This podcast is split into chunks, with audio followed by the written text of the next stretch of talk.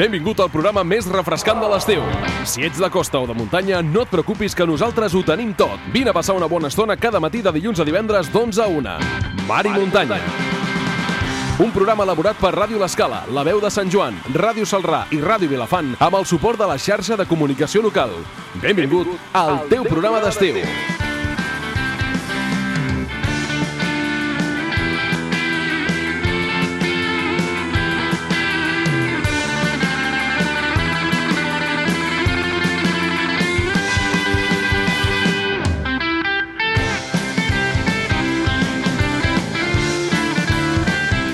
Molt bon dia, benvinguts al Mar i Muntanya, benvinguts a aquest programa 8 d'agost eh, d'aquest 2019, aquest programa que fem conjuntament eh, cada dia a les diferents eh, emissores, Ràdio L'Escala, La Veu de Sant Joan, eh, Ràdio Salrà i nosaltres Ràdio Vilafant també amb Ràdio Llançà, amb Ràdio Montgrí que, que també ens escolten i també participen en el programa. Eh, nosaltres eh, anem entrant en matèria, deixem que saludi els companys que tinc a l'estudi abans de, abans de posar-nos en contingut. Eh, anem a saludar els nostres companys, en Víctor Grau, com sempre, remenant botons, bon dia. Molt bon dia, Mercè. I en Josep López, bon dia. Bon dia. I després de seguida saludarem els companys de les diferents uh, emissores, eh? de seguida repassarem l'actualitat dels seus territoris i uh, anirem a saludar-los, que tenim ja moltes ganes de, de donar-los la benvinguda en aquest programa d'avui, uh, la primera setmana sencera d'agost. Anem entrant en matèria. Uh, Víctor, explica'ns, uh, Dia Mundial de l'Orgasme Femení avui, oi? Uh, sí, Mercè, un dia peculiar també, no? Jo crec que cada dia és, és un dia especial, podríem dir, o diferent. Mercè, tu com ho veus? Sí, uh, tinc l'explicació de, de per què és el Dia Mundial uh, de, de l'Orgasme Femení. Uh, té a veure amb el 8, amb el, avui és 8 del 8, eh? i té, té a veure uh, amb això. Ah, mira, posa, posa'm aquest, amb aquest, uh, aquesta musiqueta que, que hem preparat, que va molt està molt en línia en aquest dia mundial i us expliquem de seguida una mica per què el dia 8 del 8 i què té a veure el nombre 8 amb, amb l'orgasme femení. Love is in the air. Every sight and every sound. And I don't know if I'm being foolish. Don't know if I'm being wise. But it's something that I must believe in And it's there when I look in your eyes. Love is in the air In the whisper of the tree. Love is in the air In the thunder of the sea. And I don't know if I'm just dreaming. Don't know if I feel safe But And it's there when you call out my name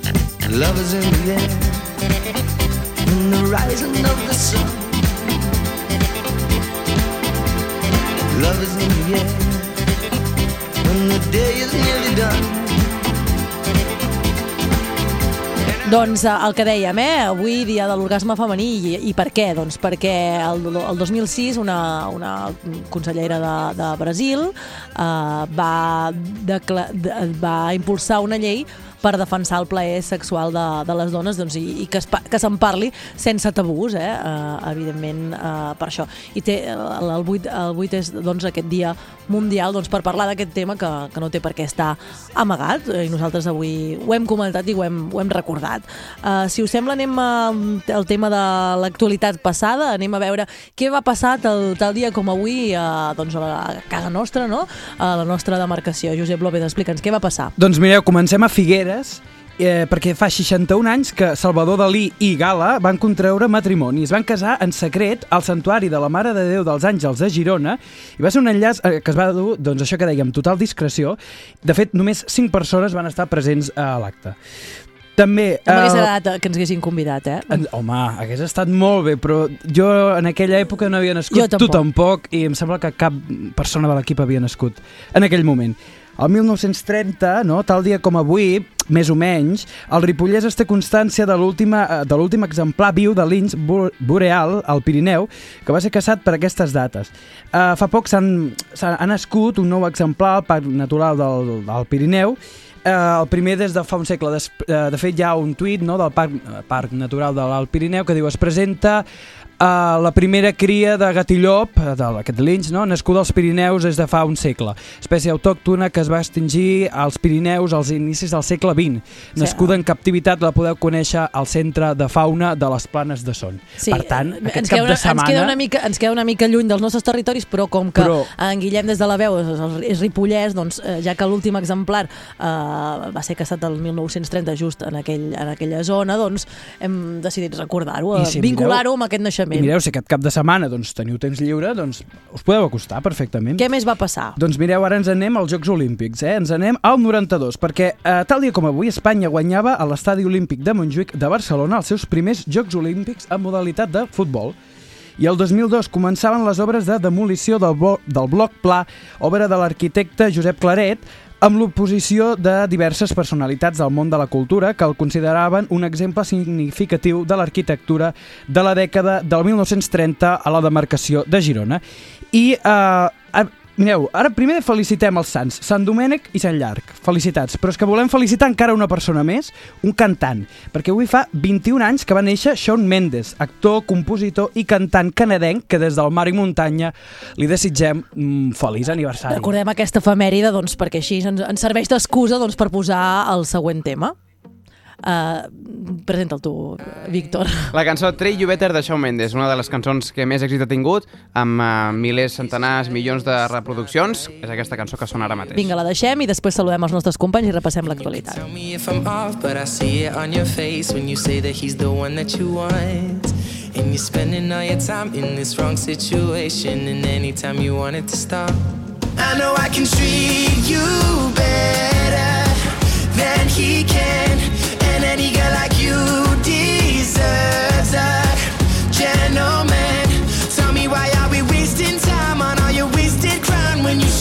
with me instead? I know I can treat you better, better than he can. I'll stop time for you. The second you say you'd like me to. I just wanna give you the loving that you're missing, baby. Just to wake up with you will be everything I need, and this could be so different. Tell me what you want to do. Cause I know I can treat you better than he can,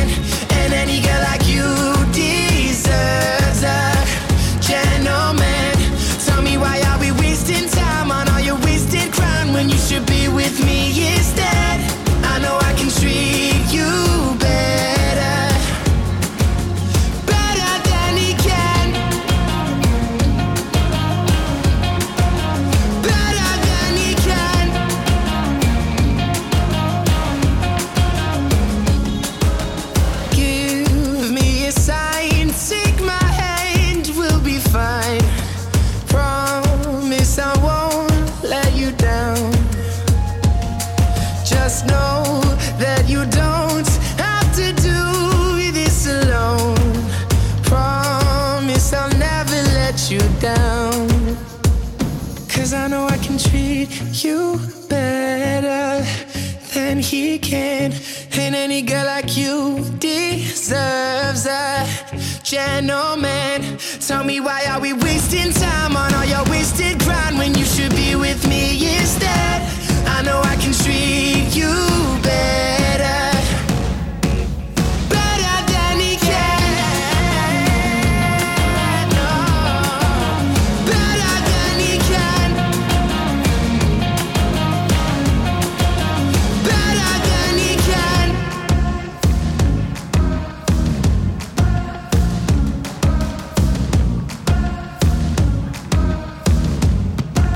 Mar i Muntanya, un programa de Ràdio L'Escala, La Veu de Sant Joan, Ràdio Salrà i Ràdio Vilafant. Doncs sí, anem a saludar ja els companys, ja tenim ganes de saludar els companys de les diferents emissores que fan possible aquest programa cada dia de 11 a 1, aquest programa refrescant al Mar i Muntanya. Doncs ja, Mar i Muntanya, doncs anem cap al mar, eh, anem cap a Llançà, anem cap a Ràdio Llançà amb el nostre company en Quim Agustí. Bon dia, Quim Agustí, què ens portes avui? Bon dia, bon dia des de Ràdio Llançà. Doncs bé, per avui tenim un parell d'activitats, uh, una, a la, una a la biblioplatja del Port de Llançà, a dos quarts de dotze del migdia, d'aquí res, d'aquí mitja horeta, Bruixes i Bruixots, contes de càrrec de la companyia Gra de Sorra. I després, a les 8 del vespre, tenim una activitat que realment està tinguent molt i molt d'èxit, que són les converses de taverna en navegants locals. Es tracta senzillament d'un grup de gent que se reuneix amb pescadors i gent vinculada a la mar d'aquí Llançà, es reuneixen eh, cada dijous, si no m'equivoco, o els dimarts, per, dijous i dimarts del mes d'agost, en el bar al Carajillo, a les 8 del vespre, i eh, en allà parlen doncs, de, del mar, de les anècdotes, de, de les seves feines al mar, de la feina de la pesca, també hi ha l'instructor en Josep Valldeperes, que és instructor per a, per la gent que es vol treure els títols de Marina. Bé, són molt interessants i estan tinguent moltíssim èxit. Recordem que per, fer, per assistir en aquestes converses de taverna pots anar al bar al Carajillo i escoltar-ho de lluny o fas la reserva, que és obligatòria, a l'oficina de turisme de Llançà. Doncs aquestes serien les dues activitats que tenim per avui, però no volem marxar sense recordar que el dimecres 14 d'agost tenim Sau, Sau 30 en concert a la Gola del Port de Llançà, que les entrades ja estan a la venda a la Casa de Cultura de Llançà i a tiquetea.com, que van a bon ritme a la venda d'entrades i que, si no tinc mal entès, avui a dos quarts d'una els entrevistareu aquí en el Mar i Muntanya.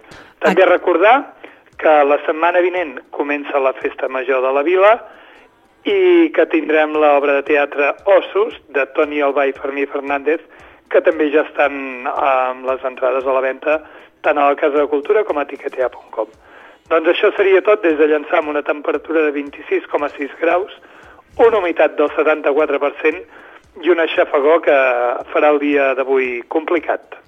Gràcies, Quim Agustí. Doncs sí, eh, tens tota la raó. A final de, del programa, a recta final del programa, doncs tindrem, eh, entrevistarem en directe a Pep Sala de, de, de Sau 30 per explicar més sobre aquest concert que ens comentaves, que ja té les entrades a la venda. Doncs del mar anem cap a la muntanya, anem cap a Sant Joan de les Abadesses amb el nostre company de la veu de Sant Joan, amb en Guillem Planagumà. Explica'ns, Guillem, eh, què ens acostes avui? De què esteu pendents a la veu?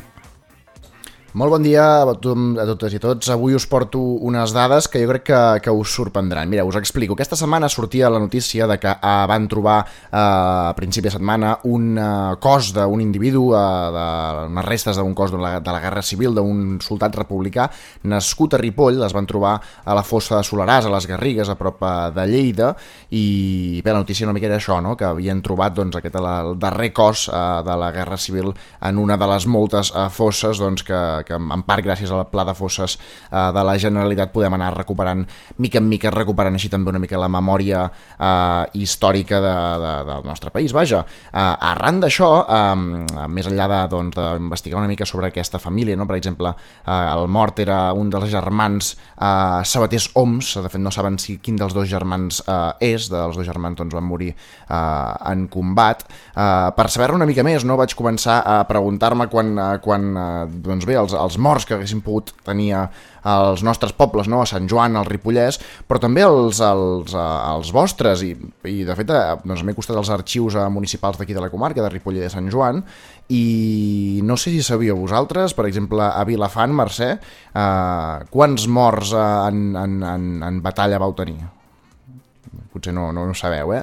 Doncs és, eh, de fet, dels quatre pobles que formem part del Mar i Muntanya, Vilafant és el que n'ha tingut menys. Va tenir 8 morts eh, en combat. El segon eh, ho va ser Salrà, amb 28. uh, l'Escala amb 38 i Sant Joan, sorprenentment, tot i que avui en dia doncs, és el poble més petit dels quatre que formem el mar i muntanya, amb gairebé empatat amb Salrà, no? Uh, en va tenir 72, és el, és el número...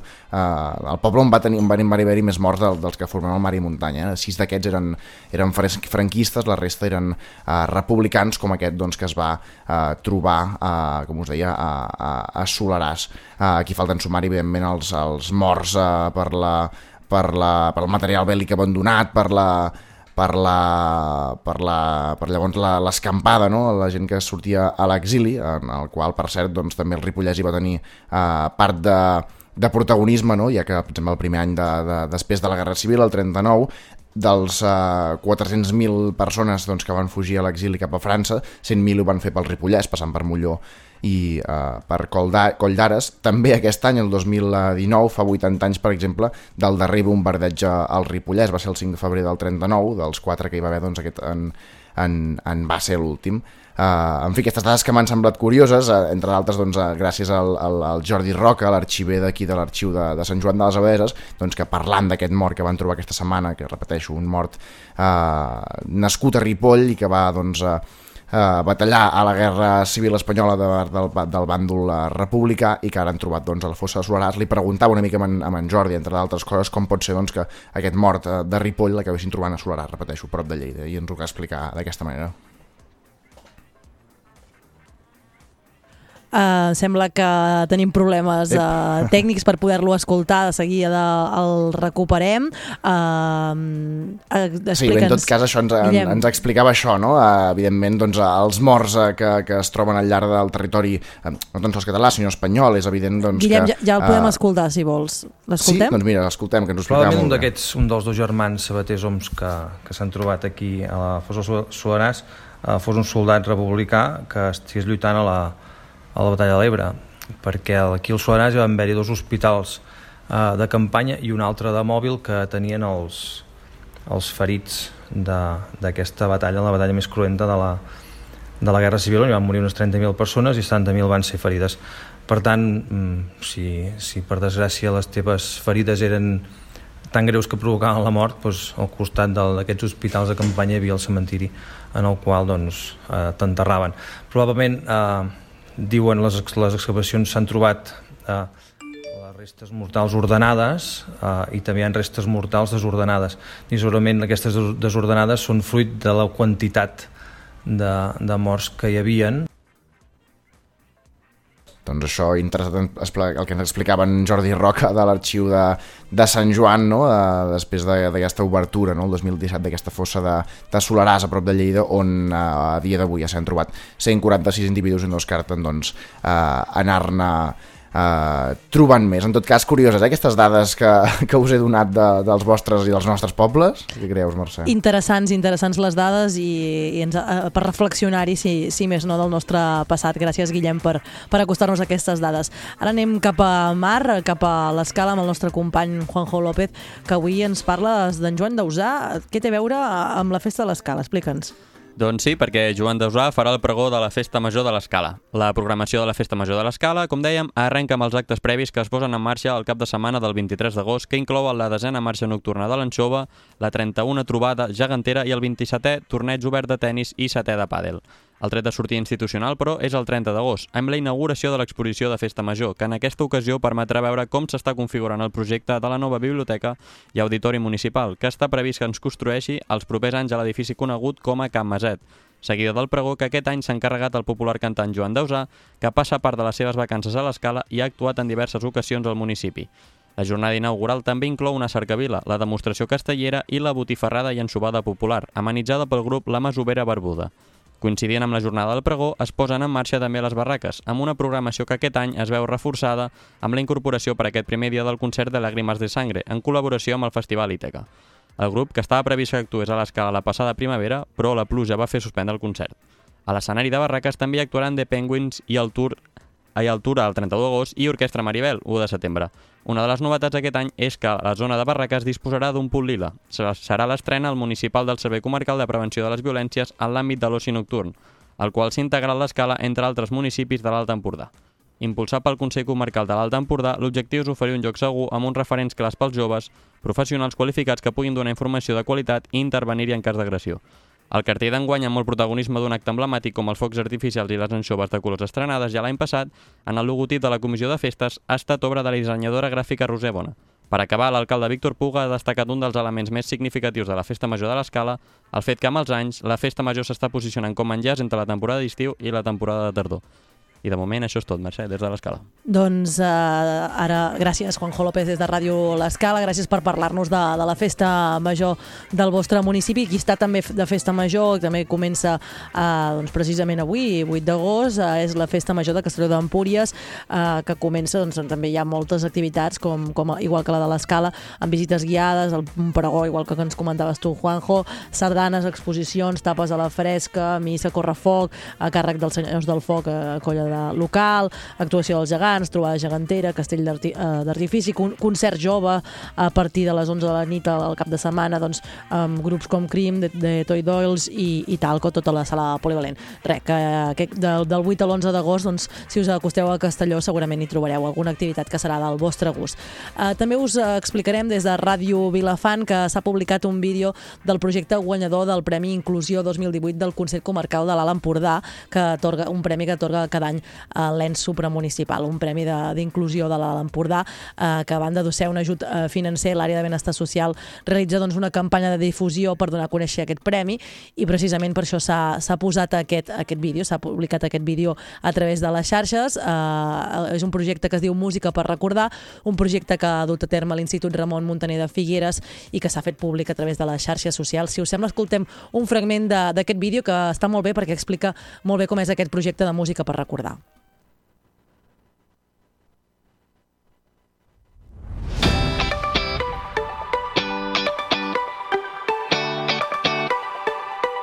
projecte és molt simple.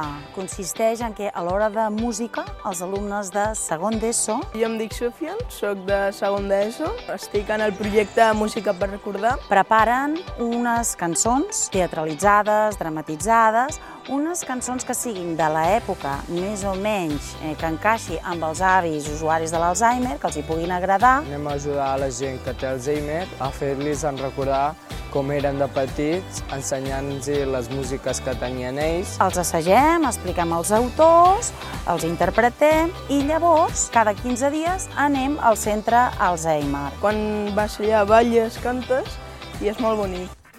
Doncs aquest era un dels fragments eh, d'aquest vídeo, d'aquest projecte de música per recordar de l'Institut Ra- Ramon Montaner. També us expliquem, eh, us volem destacar des de Ràdio Vilafant, que SOS Costa Brava tanca el primer any amb els principals objectius eh, aconseguits d'aquesta entitat ecologista.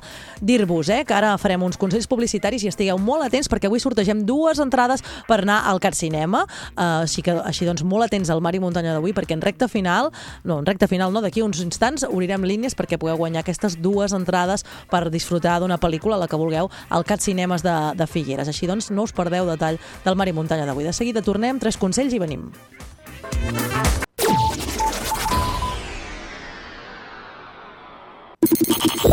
Mar i muntanya. El programa més refrescant d'aquest estiu. Mar i muntanya en directe, 12 a 1 del matí. Un programa de Ràdio Escala, La Veu de Sant Joan, Ràdio Salrà i Ràdio Vilafant.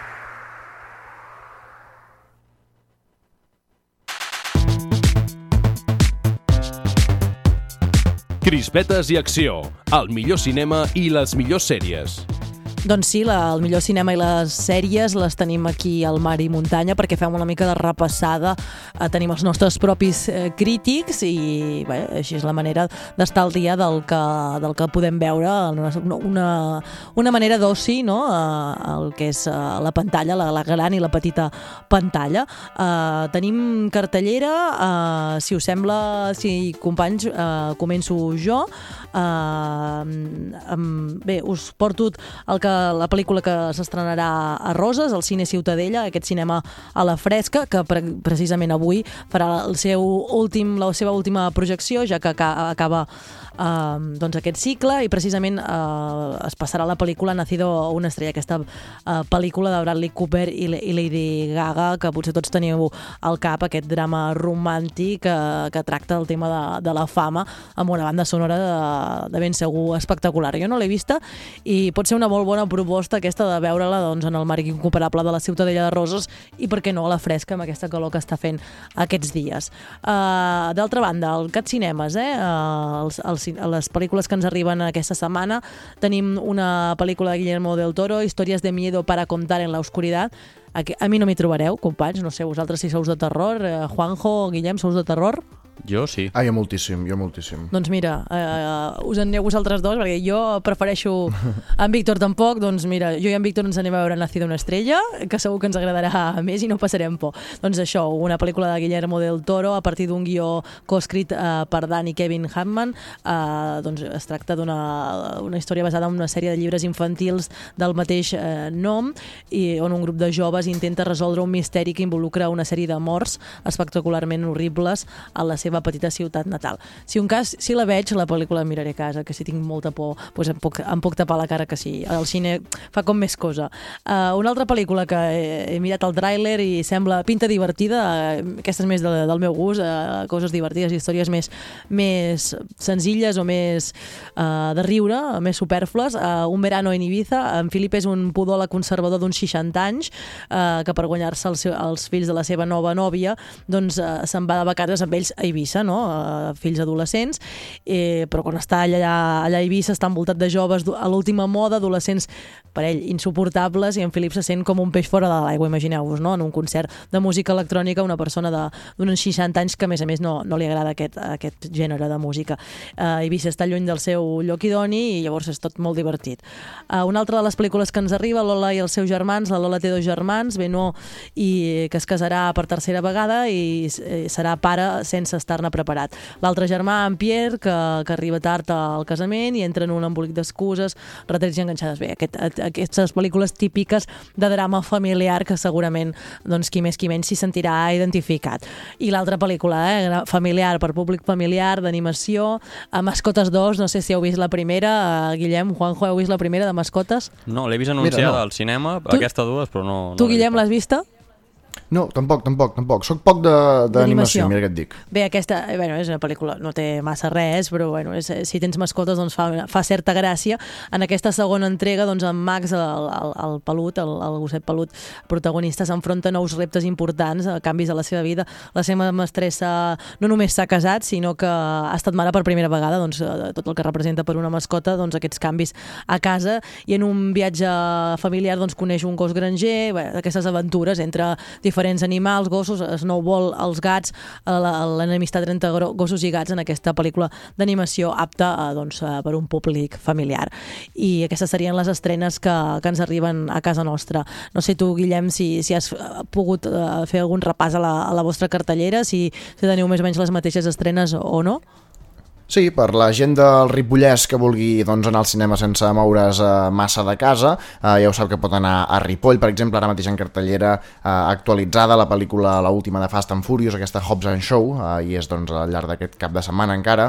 Eh, si ens anem cap a Ribes de Freser, les mateixes que la setmana passada, amb aquesta cartellera desactualitzada que tenen al cinema de Ribes, amb el viatge de Shihiro, i una noche en l'òpera dels de hermanos Marx. Si entreu a la web de l'amic de, els amics del cinema de Vall de Ribes doncs podreu uh, veure els horaris. Uh, si ens anem cap a Camprodon, en canvi, doncs cartellera també uh, a parts iguals, actualitzada i desactualitzada, amb la darrera de Fast and Furious també, i amb el Padre no hay más que uno, aquesta pel·lícula eh, americana d'humor doncs, que també eh, té certa bona pinta. No americana, no, perdoneu, espanyola, amb la pel·lícula dirigida per eh, Santiago Segura, així que ja si voleu anar al cinema i sou pel Ripollès, ja ho sabeu. Doncs perfecte la, la proposta. Si us sembla, tenim també en, en Josep Mir, el nostre crític de, des de Ràdio Salrà. El saludem. Uh, Josep, benvingut un dia més, un dijous més al Mar i Muntanya. Hola, bon dia. Si et sembla, Josep, eh, passem als nostres crítics, eh, en Jacint i l'último crítico eh, des de Ràdio Salrà, eh, i des de Sí, Ràdio sí, L'Escala, perdó. perdoneu, que ja, ja m'he liat. Eh, els escoltem i després comentem, Josep, d'acord? Mm -hmm. Endavant. Doncs escoltem en Jacint. Molt bones, amics i amigues. Uh, si una cosa tinc clar a la vida és que l'estiu, quan vaig al cinema, m'agrada veure les pel·lícules d'acció. Ja sabeu, tiros i disparos. Allò de no pensar massa i veure molta explosió, hòstia fina i tirotets. I aquest any la veritat és que tenim la sort de gaudir d'un gran exemple. Hobson Show és un spin-off, o sigui, una pel·lícula independent de la franquícia Fast and Furious. Resulta que els han donat un film per a ells sols, els personatges de Dwayne Johnson i Jason Statham, que ja eren de lo millor de la vuitena entrega. I escoltin, aplaudeixo de mans i peus. El director David Leitch i el guionista Chris Morgan han sabut empescar-se una història gegant, divertida, trepidant i a més molt ben feta. Tots sabem com els estudis se'ls escapa a les mans quan volen fer coses gegants, però aquí està tot estudiat, amics. La química entre els dos protagonistes està ben portada i els dos saben que han vingut a jugar. I per refrescar-ho tot tenim a Vanessa Kirby, qui no només és una bona actriu que entra al joc, sinó que a més també sap repartir amb estil. El malvat, un flipat amb un tratjo dins d'una superorganització molt flipada és Idris Elba que per primera vegada no em canso de veure'l en pantalla. A més tenim un parell de cameos secrets d'alt nivell i un director que a més de gravar acció desenfrenada té un poder visual i narratiu admirable. Encara ara, dies després de veure'l em segueixo sorprenent de com ben fet està tot plegat. Aquí les escenes s'encadenen, t'expliquen una història per lleugera que sigui i a més, té temps per deixar-te amb homenatges a films clàssics del gènere d'acció. Hi ha moltes picades ullet. Si us dic la veritat, estic ja esperant que surti a la venda en Blu-ray. En total, més de dues hores que faran les delícies d'aquells que els agradin les coses grans, estridents i tontes i que resulta que és just el que busquen tots els seus responsables, que sigui com més gran, estrident i tontes, millor. Una de les pel·lícules de l'any pels que saben gaudir les patates fregides amb molta salsa. La setmana que ve, més i segurament no millor. Doncs ja ho sabeu, eh? en Jacint li ha encantat aquesta, aquest spin-off que explicàvem la setmana passada que s'estrenava uh, de, la, de la saga de cotxes uh, Fast and Furious. Eh? Uh, si us sembla, anem a veure l'último crítico uh, des, de, des de Ràdio L'Escala, a veure què ens en diu. Segur que ell també ha tingut algun moment per, per poder-la veure, a veure què opina ell. Escoltem.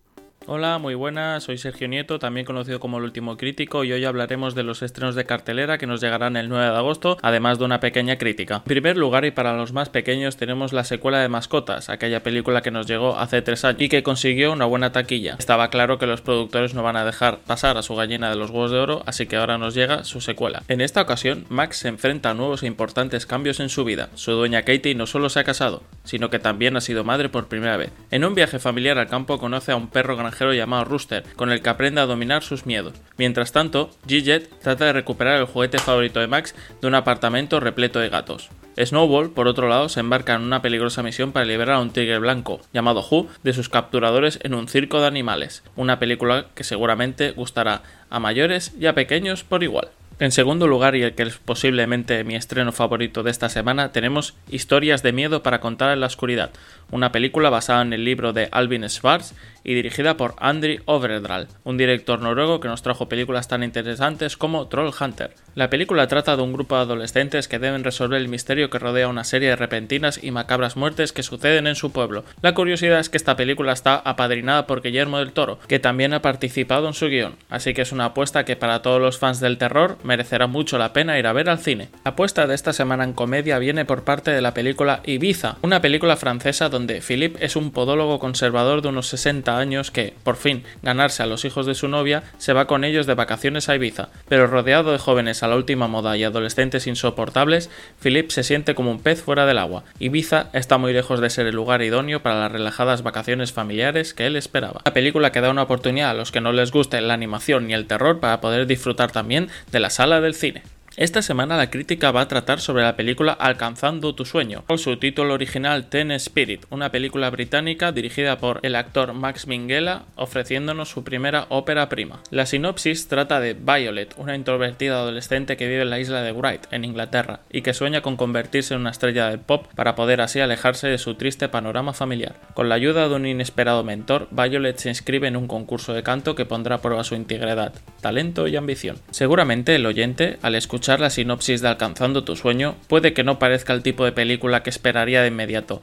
Un adolescente sueña con convertirse en una estrella del pop y participar en un programa tipo Factor X con la esperanza de llevar su voz al mundo. Lo que podría haber sido una historia sobre el estrellato musical es una mirada maravillosamente fundamentada y a veces da voz a gente que merece ser escuchada. Quizás sea en parte debido al impresionante debut como director de Max Minghella. El actor aporta un sentido de honestidad a esta historia, además de tratar la música con respeto de una manera que rara vez se hace con las canciones del pop. Esta película es una mirada sincera a una chica solitaria que aprende a escapar de sus miedos y frustraciones con el poder de la canción, y francamente, este es uno de los raros momentos en que la música pop se ha sentido significativa y profundamente satisfactoria en un largometraje. Fácil crear una película para sentirse bien sin caer en los clichés típicos de este tipo de historias. Esto es especialmente cierto cuando se trata de películas para adolescentes. Lo que más me impresionó de Alcanzando tu sueño es en lo que Minghella trata el viaje personal que tiene Violet. No encontrarás un montón de momentos ridículos en los que Violet descubre su voz y tal vez se toma un selfie para Instagram sobre sus aventuras. Violet no es lo que esperarías de una chica en este tipo de fábula. Ella es directa y seria, sin embargo todavía se deleita con la música con la que se rodea. Hay alegría, hay desamor, y existe la posibilidad de encontrar un lugar en este mundo. Y sin duda la estrella de esta película es Ellen Fanning, que está sinceramente brutal. Desde Maléfica hasta The Neon Demon,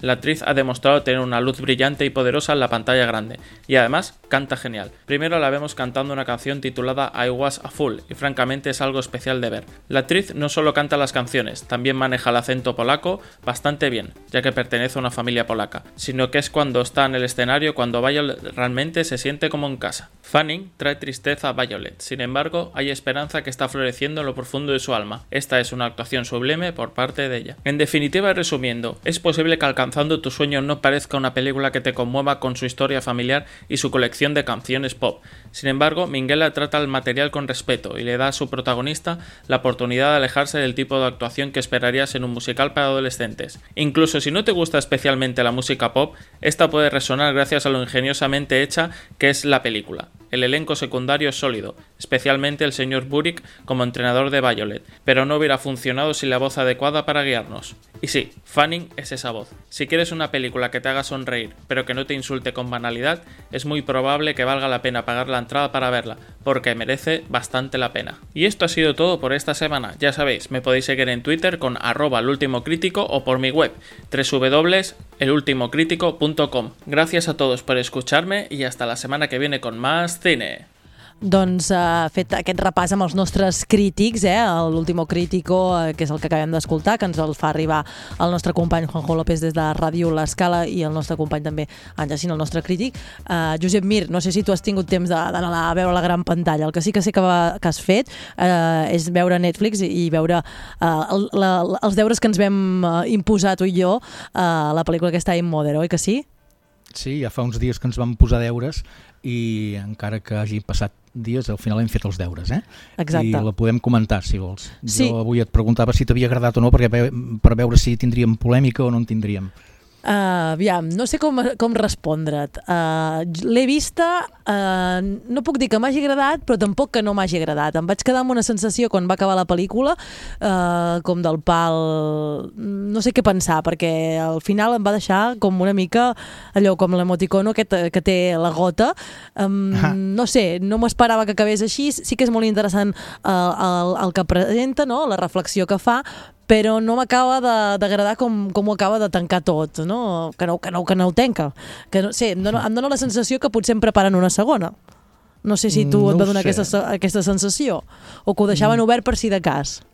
Jo no, no em va donar la sensació que volguessin fer una segona part, són capaços de tot, evidentment, perquè quan una pel·lícula té èxit ho solen fer, però mm, a mi el que m'agradava de la pel·lícula és que et va sorprenent de tant en tant. No? Al principi la història sembla que va d'una cosa, després van apareixent elements nous que et fan replantejar tot el que has vist fins a, en aquell moment i això passa pràcticament fins a l'última escena de la pel·lícula no? I, i trobo que això està molt bé. No, no, no és el simple artifici de sorprendre per sorprendre, sinó que planteja una reflexió d'aquelles que com menys expliquis millor, no? perquè és d'aquelles pel·lícules que si vols que la gent que ens està escoltant la vegi i se sorprengui el que ens vam sorprendre nosaltres, el, potser el millor és no explicar massa el desenvolupament de la història, però, però hi ha moltes més coses de la pel·lícula que m'agraden. M'agrada molt com està feta, la producció, els, uh, la, la part visual és fantàstica, les actrius estan molt bé i, i és sorprenent que sigui la primera pel·lícula de llargmetratge d'aquest director, un director australià que es diu Grant Sputor, i que el, els americans ja l'estan saludant com el nou Christopher Nolan. No sé si encara és aviat per dir que aquest home marcarà tant el gènere de ciència-ficció com Christopher Nolan, però sí que aquí eh, demostra bona habilitat per plantejar una pel·lícula de ciència-ficció que en principi sembla petita, no? amb, amb molt pocs personatges, eh, pràcticament amb un sol decorat, però que en canvi et manté en tensió durant tota l'estona. Interessant, interessant reflexions aquestes que ens fas. Eh, eh, bé, el que podem dir a la nostra audiència és que, que la miri, no? La recomanaries així, doncs?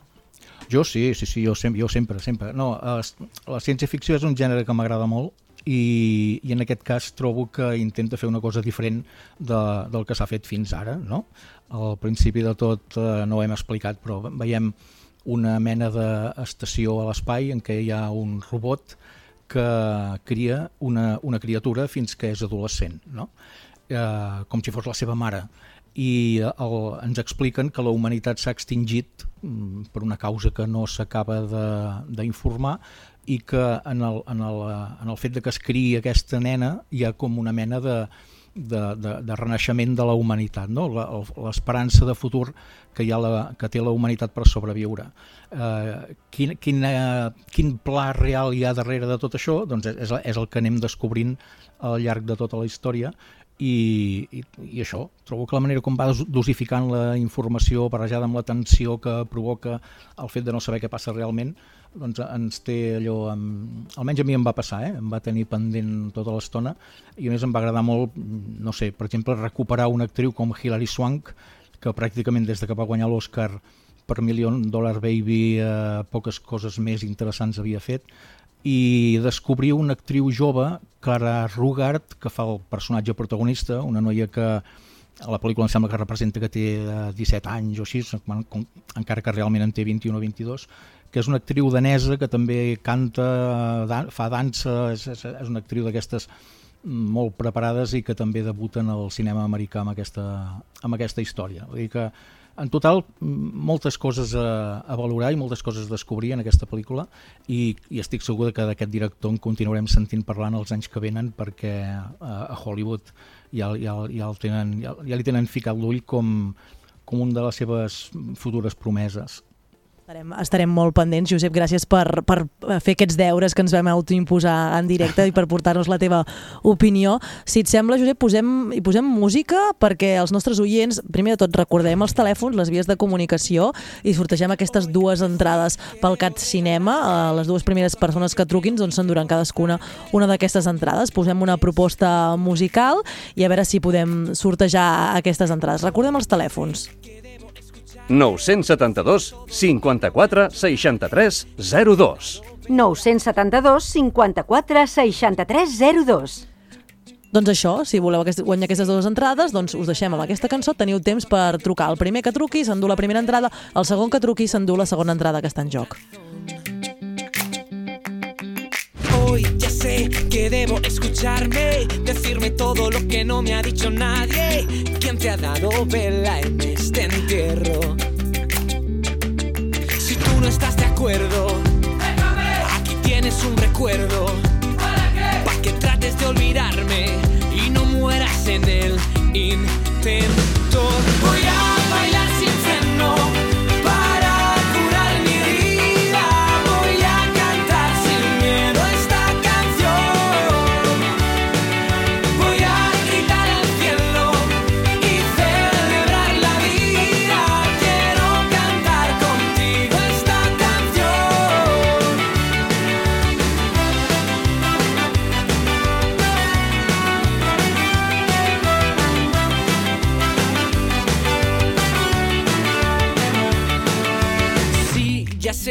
no soy don perfecto, pero tampoco hemos venido a esto.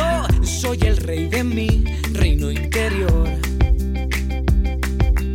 Y me escribo a corazón abierto. No me da miedo enseñarte mis defectos. Mis cicatrices me hacen ser lo que soy.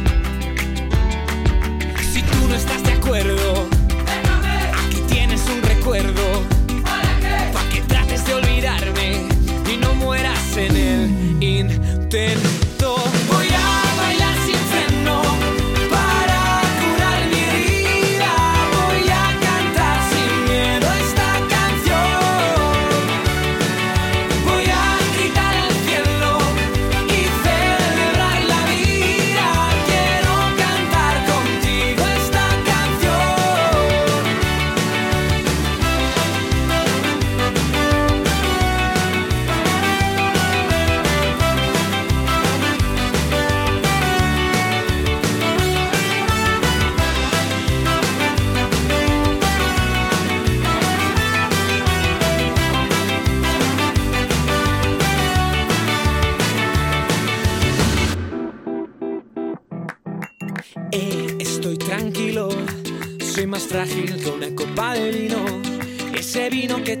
Para olvidar, que por mucho que te bebas no te va a salvar.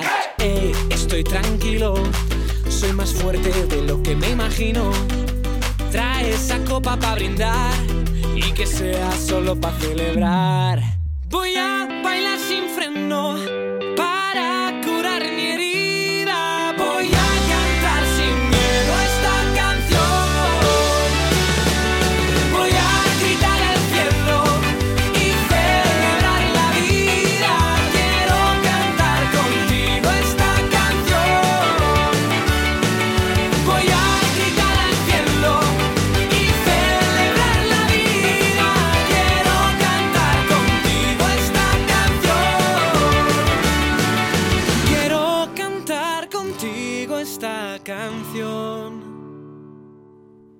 Remulla't amb el mar i muntanya de Ràdio L'Escala, La Veu de Sant Joan, Ràdio Salrà i Ràdio Vilafant.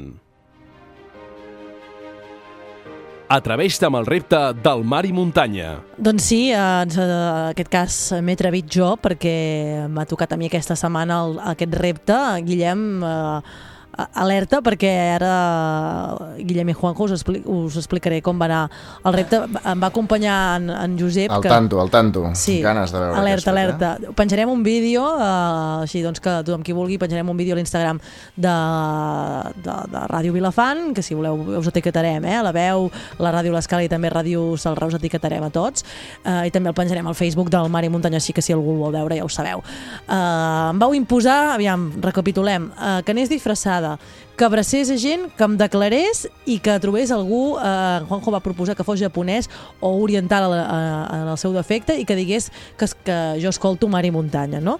Eh, doncs ho vaig aconseguir, oi que sí, Josep? Ho va aconseguir I amb un temps rècord. i ho, amb un temps rècord i ho va fer molt bé. Jo des d'aquí la felicito. Eh? En menys d'una hora em vaig plantar la Rambla de. Figueres i, i ho vaig fer. Més, va- reconec que vaig tenir molta sort amb la gent que em vaig eh, trobar i que vaig fer ús de, del meu idioma, que ja sé que digueu que tinc un anglès eh, horrible, però almenys em va servir pel que serveixen a les, als idiomes, que és per comunicar-se. Jo el del japonès Què no m'ho crec. que- No, vaig trobar un, una surcoreana, una no, noia no, segur que surcoreana. te'n vas anar al Google Translate i saps allò que No, pots no. fer-ho Amb volum? No, no, el vídeo demostra que vaig trobar una noia surcoreana i de fet estic en tractes perquè m'arribi un àudio en japonès arribat des de Tòquio uh, Mercè. perquè em digui això. Pot ser que el... Uh, si us sembla, passem al tall del tot el repte sencer de, del vídeo i després acabem de comentar. Doncs des de la Rambla vaig a fer el meu repte. Primer pas del repte, aconseguir anar disfressada. Doncs aquí teniu, he portat aquesta cinta japonesa, com que em portarà molt d'esforç aquest repte, doncs eh, agafo i, i em lligo la, la cinta al front com fan els japonesos. Ens hem trobat a la Pilar, alcaldessa de Garrigàs, li vaig a fer una abraçada, que és part del repte. Gràcies, Pilar, una forta abraçada. Una forta abraçada. Els nois que parlen francès i es deixen abraçar, doncs anem a abraçar-los. Merci. Merci beaucoup. Hem arribat al moment de declarar-se eh, el, el meu amor. Aquestes dues nenes, us haig de confessar, noies, que us estimo molt, sempre us he estimat. Moltes gràcies. Sempre és bo tenir un amor. 하나를 보, 리- 듣는다? 어, 리슨이라. 아, 산과 바다. El passarem. Doncs aquest és el repte que, que he fet jo. Eh, què us ha semblat? Què t'ha semblat, Guillem? Home, jo crec que t'hem de coronar com a campiona dels reptes del mar i muntanya. Val a dir que, clar, que quedava, recordem, eh, quedava, eh, hem anat fent reptes cada setmana, tots els col·laboradors del mar i muntanya, i aquesta última setmana tan sols quedava una persona sense haver-lo fet, que eres tu, de manera que et va tocar aquest repte residual que potser jo crec que era el més eh, El atrevit. més difícil, eh? almenys, Uh, de deixa'm dir-te que, que com que en Juanjo volia en japonès la, la frase de jo escolto mar i muntanya, doncs jo he fet servir els meus contactes uh, que tinc al Japó uh, des de Tòquio i, i, i, i mm, perquè la diferència horària no, no és possible, però crec que me l'enviaran o me l'han enviat ja. Uh, mirarem de passar-lo, si no vull un altre, un altre, un altre moment i ja, Vinga, ja us el passaré. Eh? Va, he assolit el repte, o sigui que, que podem anar tranquils a fer uns quants consells publicitaris i, i continuar el programa d'avui, perquè avui tenim un programa mm, bastant farcit de contingut, eh, parlarem amb youtubers, eh, com sempre, cada dijous, i també hi posarem música. No sé si tu eres fan de Sau. Home, uh, sí, a més la, Doncs és una persona T'encantarà, que, que, t'encantarà. Anem a publicitat parlarem, i de en seguida en parlem. El millor del mar i la muntanya des de casa.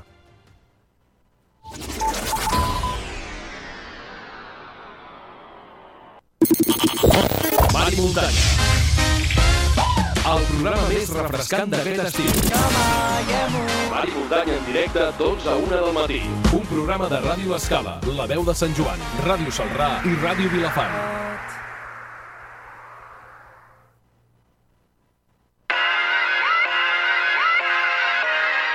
Doncs ens hi tornem a posar després d'aquests consells publicitaris i d'actualitzar-nos doncs, amb, el, amb els nostres companys de la xarxa de comunicació local que ens han portat tota l'actualitat en aquest butlletí de les 12. Nosaltres eh, ens agrada molt eh, els dijous doncs, fer aquest espai que tenim d'aquesta nova professió que ha nascut ja fa uns anys va néixer doncs, eh, gràcies a les noves tecnologies, gràcies a, doncs, al YouTube, a l'Instagram, eh, al Facebook, no? a les xarxes socials.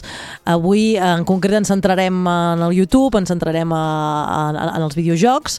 Uh, tenim amb nosaltres a un, un, un gamer video, uh, youtuber uh, important, eh? ell és l'Eric Rodríguez, ell uh, viu a Figueres i és el, el, la cara visible o l'ideòleg, el que va penjant vídeos uh, dia a dia de leyendes i videojuegos. Benvingut al Mar i Muntanya. Moltes gràcies, un plaer estar aquí. En Juanjo López uh, de Ràdio L'Escala és, és fan seu eh? i, i m'ajudarà. Bueno, més aviat faràs l'entrevista i jo t'ajudaré a tu, no? Ho farem entre els dos. Farem entre els dos com, com, com fem sempre. Si et sembla, presenta una mica el, el canal. Què, què és el que fa l'Eric en aquest canal de Leyendes i Videojuegos? Bé, el seu canal de YouTube, com tu has dit, s'anomena Leyendes i Videojuegos i és un canal on crea vídeos de temàtiques de cultura gamer, si no ens equivoquem, com ara teories, extrapolacions, ho té tot una mica de la seva informació com a canal de YouTube. Pels nostres oients que no sàpiguen què és gamer, per si de cas, Bueno, expliqueu aviam. que, vídeo, que juguen a Que videojocs. juga a videojocs, és tan fàcil com això. Independent, o sigui, aquí entraríem ordinador, mm, consoles, Gamer és en plata- general. En general, ha mòbil, moltes, també. Hi ha, hi ha moltes formes de categoritzar-ho i, i els mateixos jugadors ja triguen ben poc a, a intentar separar-se de, dels, que, dels col·lectius que no els hi agraden, però gamer és tothom que juga, en general. Exacte. I com dèiem, i una mica història dels videojocs, top 10 de videojocs també, i bastant més. Hem de dir que tenim un mastodonte, com dirien en el mundillo suburbano, un canal de més de 350.000 subscriptors i més de 40 milions de visualitzacions. Déu-m'hi-do, eh? Que ja... Eh, jo tinc un canal de YouTube amb quasi 800 subscriptors i crec que 10.000 visualitzacions i sóc feliç, eh? Vull Es, dir que no. es perd una miqueta la perspectiva, eh? Sí. Però, En tinc uns 10.000 quants ja menys, jo. Sembla que no, però 10.000 visualitzacions ja són una bona pila. Arriba un moment en què només es veu un número molt gros i prou. Clar, clar, però, però clar, això vol dir una feina constant que ara de seguida descobrirem, no? Irem parlant amb tu per, per explicar-nos doncs, eh, com vas començar. Si et sembla, li faig primer aquesta pregunta. Com, com va néixer aquest Leyendes i, i videojuegos o com et vas eh, enganxar això de, de la comunitat de YouTube? Bueno, a mi sempre m'han agradat molt els, els videojocs i ara fa 5 o 6 anys jo consumia canals eh, d'Estats Units, que allà el, el, el tenim molta més gent treballant per YouTube, hi ha moltíssima més varietat. Aquí en Espanya estan més limitats en, en el que oferíem en el món dels videojocs. Seguia una sèrie de canals i, i buscant aquest mateix contingut en, en castellà vaig dir, això no... Sembla que no ho està fent ningú, així que em vaig posar un dia... Eh, vaig aprendre quatre tutorials de- d'edició, em vaig agafar una càmera i un micro senzill i vaig dir, va, tirem endavant i aviam què surt. Si en dos o tres mesos això no ha funcionat, ho tallo. I sembla que més o menys va funcionar. Em deixes fer-te una pregunta? És fàcil editar vídeo? Bueno, és fàcil editar vídeos, sí. Ara depèn del que li vulguis fer. Si vols fer-li moltes coses és fàcil, però t'hi estàs més hores. Clar, autodidacta totalment, eh? Totalment, totalment. Vaig començar amb quatre tutorials del mateix YouTube del Sony Vegas i, i cap endavant. Ets de Sony Vegas, val. Aquí, Sí. aquí podríem fer un debat, eh? Sí. No, no, podríem fer davant, no. Hem de parlar dels mítics tutorials de YouTube de, de la gent de Sud-amèrica. Sí, sí, Sí. sí. sí, sí Brutal, quan- eh? Jo sóc d'Adobe Premiere. Sí, sí. Ui, doncs aquí tindrem problemes. Tindrem problemes, eh? Sí, sí, sí, sí. No passa res. Et respectaré perquè l'he utilitzat, el Sony Vegas també. No m'agrada gens. No, a mi tampoc. Ah, doncs t'emplaço, et convido que et passis a Adobe Premiere. Bueno, el primer és una mica més complicat de fer servir. El No Sony passa. Vegas és Segur més... que està a l'altura. El, el problema és que després de tants anys ja estic tan acostumat a Ah, com això- funciona el programa que aprendre un de nou em fa molta, molta vagància. Això és veritat. Doncs ara, per uh, seguir l'entrevista, Eric, uh, normalment la gent que juguem a jocs, i portem des de petits, uh, sempre hem tingut un referent. No? En el meu cas, jo puc parlar personalment que jo vaig començar en el món dels videojocs al World of Warcraft, tu no sé si el coneixes, Sí, tu clar que el segurament conec. sí, Sí que el conec, Juanjo. perquè tenia un cosí que es tirava tota la nit jugant. Jo tinc I- i amics i, jo, amigues que, Sí, que, sí, sí. que De, jugaven. de fet, poder l'hauria de conèixer més ella que tu. pues me calot, no? Vale? I clar, i això em, fa, em va fer entrar molt al món dels videojocs. Mhm.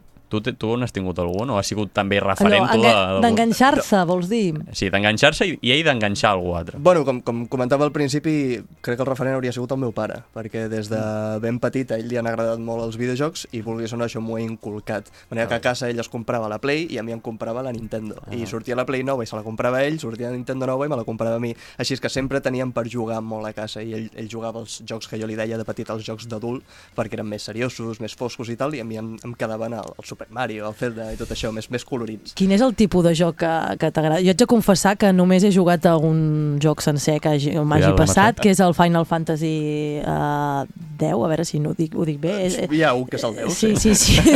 No, és el 10, no? El conegut, el de la Lluna, sí, Tidus i tots bueno, hi ha- aquests. Hi ha, hi ha molts. Aquest és el 10. Sí. Vale, vale, doncs el 10 és l'únic joc que, que he jugat, vaig intentar jugar el 12 però eh, no em va acabar d'enganxar. El, el que em vaig enganxar va ser aquest. Molt no sé si ets de rol, shot em ups, eh, què és el que més Bueno, sempre m'han agradat molt el- els plataformes i els Metroidvania, que són aquests com una miqueta d'aventures que vas cap endavant i cap enrere i tal, però per, precisament per, per com és la feina jugo a tots els gèneres i tots tenen coses que m'agraden i coses que igual no m'agraden tant. Això del Metroidvania és veritat perquè va fer un molt bon vídeo del Hollow Knight, que és un joc de Metroidvania que... Sí, sí, és un- jo te'l recomano, Aquest i és no sé. barat, és molt barat. De, de, de, què- de, de què s'ha de fer en aquest joc? Bueno, doncs uh, és un De joc... plataformes. És, sí, més o menys, perquè ens Em poso molt nerviosa amb és aquest com, tipus és com de de, jocs. plataformes, però no és d'habilitat de saltar la plataforma No. que està més lluny, sinó de- d'investigar i Tam- d'explorar un món sencer. Val, també eh, us, us haig de confessar que, que he jugat als Lemmings. Que... Els lemmings aquests eren molt bons. Aquests, aquests Sí, ninotets, sí, sí. Eh, que havies de saltar, havies de- d'aconseguir que no se suïcidessin, Això, eh? això, sí, Els sí. havies de marcar el camí. Eren molt divertits. Uh, relacionant aquesta entrevista amb l'actualitat, eh, Juanjo, tu Sí. sí. prepararàs aquesta uh, pregunta relacionada amb l'actualitat dels Estats Units, no? Uh, sempre eh, hi ha hagut molts casos, uh, ara hi ha hagut aquests recents als Estats Units, que es vincula amb videojocs amb la violència, oi? Sí, aquests casos de que hi ha hagut tirotejos a instituts i ja ho estan relacionant sempre amb que els videojocs tornen a la gent agressiva. De seguida, de seguida treuen això. Però bueno, és un tema que porta en el món dels videojocs molt i molts anys i que ho hem de- ho hem d'anar suportant. Bueno, això, i, això i els que juguen a, a rol, no? Mhm. que fan rol en viu o partides de, de rol de, de taula, també Clar, eh, se'ls ha clar. etiquetat molt no? de, de, de violents o de si passa alguna cosa, doncs això També ha passat és- perquè tu jugaves això, no? És, és algo que s'hi ve generacional, perquè hi ha un, un salt, hi ha un, un, una falta d'entendiment en, en què és això, que són aquestes noves tecnologies, ja sigui el, el rol més simple de, de taula, com els videojocs més actuals, hi ha un salt generacional que, que no acaba de- d'encaixar i és molt fàcil agafar tots els problemes i tirar-los cap, a, cap allà. Però tu creus que això està canviant una mica, potser? Amb el temps sí, mica en mica Més sí. amb la feina que feu vosaltres Sí, de, sí, de, sí, de, per de YouTube, de, de, di- de fer divulgació, no? també és important. Jo, home, quan, quan érem petits, per jugar a videojocs ja eres un pària, i ara, ara està molt més estandarditzat, ara tothom juga a videojocs més o menys, però estan, és, és part de les Sí, nostres vides. segurament fins i tot el nostre, el nostre cap, el director de, de Ràdio Vilafant, doncs a través del mòbil, Ah, clar, no? si qui més, qui no, menys. una partida del Candy, Candy Crush, Crush. Ah, segur que ha caigut. Ja està, gamer. Ja està, ja. Ja de seguida et posen, et posen el segell al front. És una altra. Hauríem de parlar una mica d'aquest estigma de, de l'etiqueta. Sempre s'ha Per què ens hem d'etiquetar. d'etiquetar? És Sí, com el, el, sí, a sí. nosaltres, per exemple, a mi a la Mainé, ens agrada molt també el tema del manga, l'anime. Mm -hmm. Està una mica vinculat, no?, també amb, el- amb els tota, videojocs. tota aquesta Però ja cultura tens una mica popular. la- l'etiqueta d'otaku. Que no m'agrada gens a mi aquesta paraula. No, jo no sóc otaku ni sóc... Jo, jo... A mi, friki, en friki no m'importa. cap Però, etiqueta. però veus, a mi personalment la- l'etiqueta friki mai m'ha agradat, perquè, és, en perquè canvi té, té, un, sí. té un ús despectiu a, Exacte, a darrere exacte. durant molts anys Ja, que també costa una això miqueta sí. de, de treure, però al final t'has d'acabar acostumant i, i, i assumir-ho. Vale, molt bé. I ara tornant una mica al canal de YouTube, uh, el nom de Leyendas i Videojuegos? Per què? Bueno, eh, el primer que vaig pensar és no vull posar-li un nom anglès, no vull posar-li ni gamer, ni reviewer, ni cap paraula així anglesa, podem fer Gamer servir for el, life. el, el castellà, sí. I què em va venir al cap? Em va venir al cap eh, Dragones i mazmorres. I vaig veure, pues, aviam, Dragones i mazmorres va de dragones i de mazmorres, jo que faré seran llegendes i videojuegos, pues ja, ja ho tens. Va ser, ben, va ser ben senzill, no hi ha una història interessant darrere. Bueno, hi ha una, una referència. Sí, sí, sí. Com a tot. Tot és... Ah, doncs mira, Uh, uh, aquí, el, el, parlant d'actualitat, el, el company en Víctor Grau ens ha passat aquesta última hora de, que surt de publicada al diari de Girona, amor, un youtuber en saltar en paracaigudes a Alacant, de, un youtuber de 29 anys, conegut a les xarxes uh, per les seves aventures. Doncs uh, una d'aquestes aventures doncs, ha, ha acabat malament, no? Uh, que parlàvem d'actualitat. Mhm. Clar, vulguis que no, uh, l'estar exposat, uh, dèiem, el, el nombre de seguidors que tu tenies, uh, fa que, que, que, que uh, quan fas una cosa no penses uh, només vaig a fer-la perquè em ve de gust, penses en qui t'està veient, Tu, no? Sí, amb, amb el temps és una... És, bueno, aquesta és una discussió que he tingut moltes vegades. És una responsabilitat que arriba, però que ningú et demana si la vols. I arriba un moment en què la teva vida fins a cert punt és pública, que vas pel carrer i et paren, vas a events i no pots moure't. Has de canviar el xip mica en mica i això ningú t'ho diu. No ve un senyor de YouTube amb un contracte i et diu a partir d'ara al tanto amb el que dius i el que fas, sinó que t'has d'anar t'has d'anar acostumant.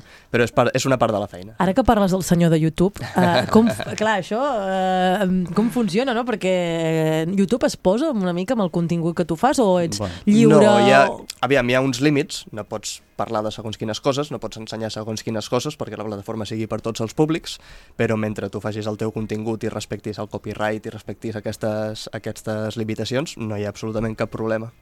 Ja, tot, i, tot i que ara la plataforma de YouTube com a tal, no sé tu, però bastants youtubers s'estan queixant de que no funciona gaire bé. Està canviant, però ja, ja portem uns, poder un parell d'anys que la plataforma va canviant, va intentant posar coses que no funciona, treu coses que funcionaven bé, i al final, com, com les vides de molta gent depenen de que aquesta plataforma funcioni bé, poder el que s'agraeix també és que hi hagi una transparència i, i saber què és el que ha de passar.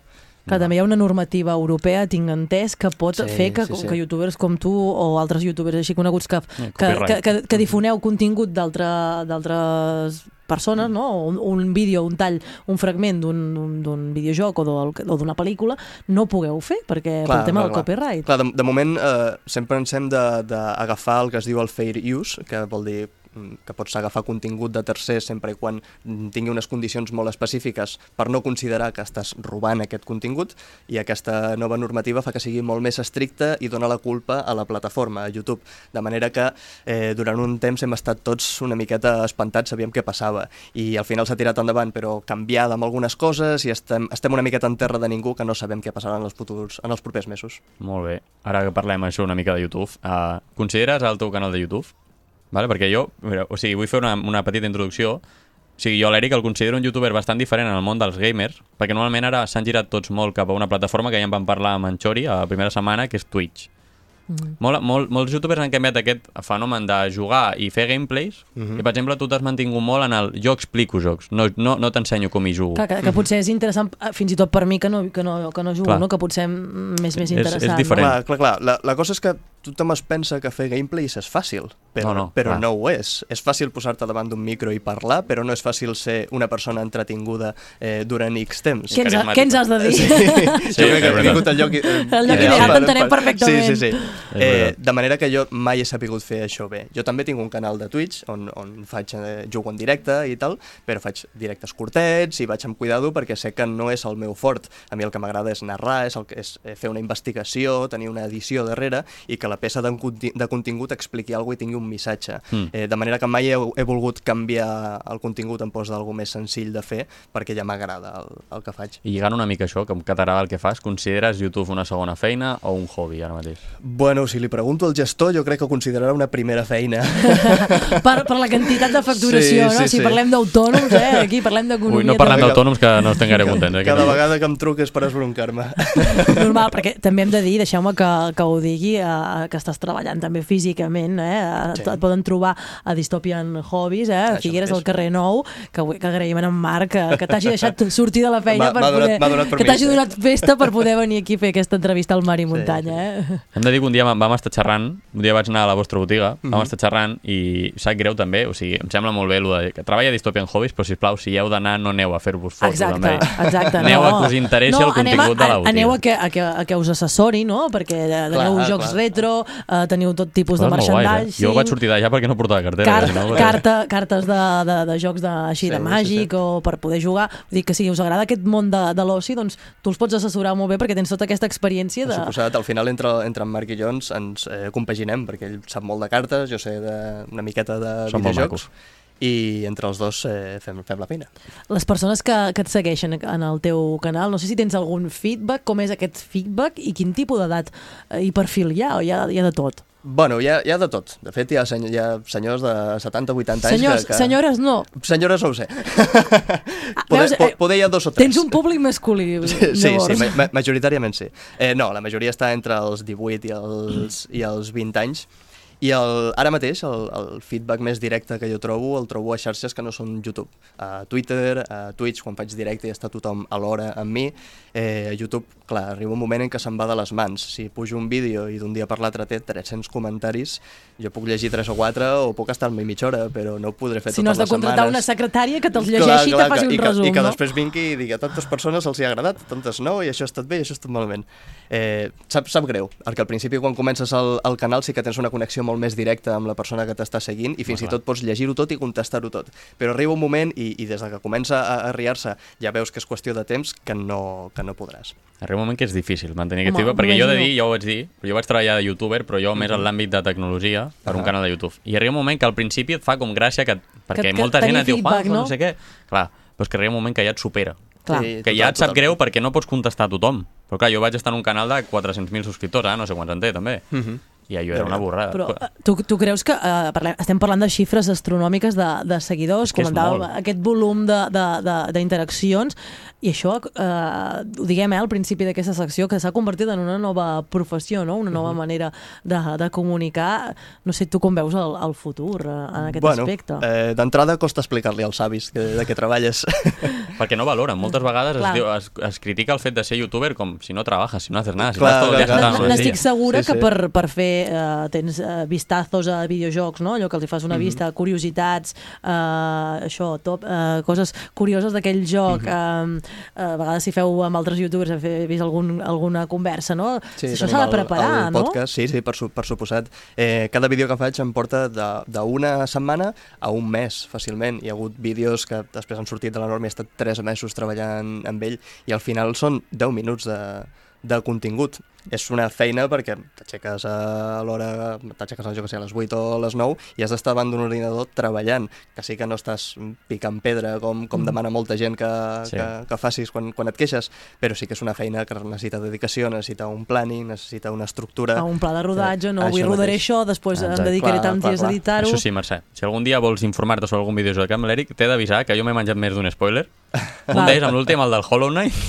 mira, que, mira que va avisar, però jo, Sí, jo, jo anava sí, seguint sí, el sí, fil de Bueno, això dels spoilers ara està a l'ordre del dia, no? Que has d'avisar si fas un vídeo que hi ha spoiler perquè els seguidors... Et, et martiritzen. Vull dir, Ho va fer d'una manera molt graciosa, ho he de dir, no em vaig poder emprenyar. Sí, Val, sí, sí. perfecte. Perquè ho, ho va fer com un estil així de "Ah, ah, ah", i pum, i ja està. Vaig, a, vaig avisar que faria spoiler i ho vaig fer 5 segons després. Eh, és veritat. Perfecte, perfecte. A, a més a més, sé que, que tu ets programador, eh, que estàs més a la banda de, de videojocs. Sé que tens algun vídeo que expliques com es fan el, els videojocs, que tu, Mhm. això també és una cosa molt interessant, Sí. no? saber la feina que hi ha al darrere eh, d'aquest producte de consum d'oci, no? que, que pot ser eh, un videojoc. Eh, no sé si tu has participat en algun, desenvolupant-lo, fent de programador. He, he fet alguna coseta petita, però dir-me a mi programador és una ofensa pel col·lectiu de programadors de, de, de videojocs. Clar, no sé si els gamers, o les persones que no siguem gamers, però que coneixem el món dels videojocs, eh, som prou conscients de la feina, no? Igual que la feina que porta el fet de ser youtuber, o preparar una entrevista, eh, també, eh, eh, porta... Si la gent és conscient de tota la feina que hi ha al Al- darrere. Al final, també hi ha, hi ha molta, molt de debat amb això, perquè tens per un costat els jugadors i per l'altre costat tens els desenvolupadors. I els desenvolupadors molts es queixen de que els, de que els jugadors no valoren eh, la, fe, la feina que hi ha darrere, perquè un joc que duri dues hores ja té moltíssima feina, té mesos de feina al darrere. Però alhora els jugadors tampoc volen sentir, sentir històries. Si el joc dura dues hores i han pagat X calés i els hi sembla massa, al final qui mana és qui paga. De manera que hi ha un, un equilibri aquí interessant. Una altra pregunta que, que em ve al cap, eh, tinc molt, en, en l'àmbit en el que em moc, eh, de botigues i així, què passa amb, el, amb els videojocs físics? Ui, Perquè sembla que tot està anant cap a la, la còpia digital. Tu creus que s'acaben? S'acaben, No fet. mola això, no mola. Sí, de fet fa, fa no gaire temps van, vaig llegir un estudi que ja aquest any passat, em sembla que ha set, o, o aquest principi d'any, ja s'han venut més jocs digitals que físics. O sigui que ja és inevitable que, que poder 10 anys, poder 15, però s'acaben i es, es quedarà només el, el col·leccionista. I, I ja sap greu perquè jo també sóc col·leccionista i m'agrada tenir la, la biblioteca plena, de, plena de jocs. Primer es van morir les màquines recreatives, no? podríem dir, els, els salons aquests recreatius, que em sembla que queden a Roses, que, que Santa n'hi ha un, a a Santa Empúria Brava n'hi ha un, un, dos o tres i, i para de comptar. i- En canvi, al Japó Clar, eh, ja, és una està. passada, Sí, sí. i és un... I segueixen traient, traient jocs ara pensats per recreatives ja, japoneses, I a més a més, empreses. això que parlàvem abans, eh, tornant a la pregunta que fèiem relacionada amb l'actualitat, eh, si els videojocs són perillosos o el que sigui, es, eh, es diu, no? O es té, hi ha qui diu que, que, que fa que, que tu t'aïllis, no? Que tu jugues al teu, a la teva habitació, eh, a vegades online i tens relació amb algú altre, però si no estàs tu sol. En canvi, les recreatives és una manera de videojugar, però relacionar-te amb els altres. Clar, bueno, també el, els jocs actuals també cada vegada tenen més component social. Cooperatiu, no? Així Poder. que és, eh, tampoc és tan radical de dir si estàs jugant al WoW a casa teu estàs sol aïllat del món i si estàs a la recreativa estàs amb els teus amics, perquè poder a la recreativa també estàs sol i no vols saber res de ningú i en el WoW tens 30.000 amics de, de tota la vida. Hi ha plataformes ara per parlar. Sí, Jo parlava amb 30 persones per una plataforma que es diu Discord. Mhm. Ostres, qui, Jo he fet- qui- jo O, team, o TeamSpeak. Quina, Ja, quina, clar, quina ja- conversa més eh, Ah. eh, difícil de Diem seguir, que eh? som, mira, tothom coneix l'Skype. Sí, doncs sí. diguem que és una mena d'Skype, una plataforma on tu pots fer trucades tu, saps, online. tu saps què és el Mirc? Aquí, eh, no, ja no sóc Ara, tan... ara m'he aquí ja quedat no, amb ell. Tinc Ah, 23 anys. No sé, arribo tant. en Víctor Grau ha ficat cara de no tinc ni idea de què és això. Era un xat, era l'inici del, dels xats, no? El Sí, Mir, sí. que era...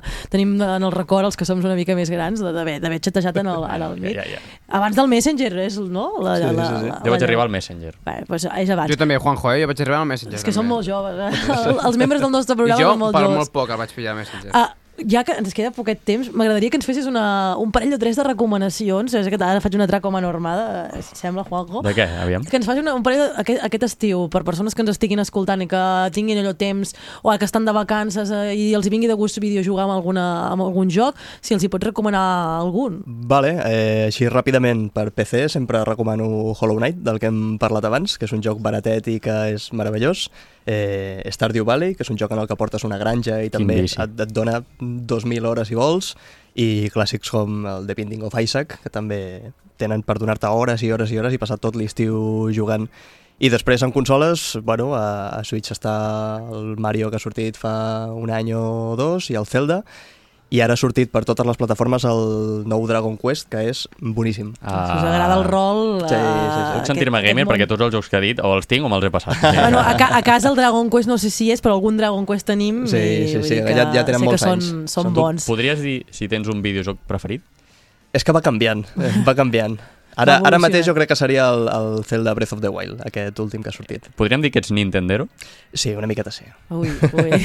A casa, a casa som més de Sony. Jo sóc Nintendero, també. Vale, pues, eh, dos- dos contra sort que posa eh? el contrapunt avui. Uh, Se'ns acaba el temps, Juanjo. Ja. És que tenim una conversa tan interessant aquí parlant de videojocs, se'ns acaba el temps. Li agraïm a, a l'Eric uh, que, que ha estat aquí amb nosaltres, uh, l'Alma Mater, eh, el creador de- d'aquest canal de YouTube Leyendes i Videojuegos, que si el voleu seguir, en voleu saber més, el podeu seguir a través de Twitter també, el podeu seguir a través de YouTube i estareu al dia de tot el que es mou i es cou en el món de, dels videojocs, oi? Doncs sí, i tant. Jo el seguiré mirant vídeos, si us vol dir. Exacte, exacte. Jo ja ve de fa anys. Recordem, Eric, mira, t'ho comento, tenim dues entrades en, joc de, de, de, de, per anar als cinemes les, uh, del Cat Cinemes, de, de Figueres.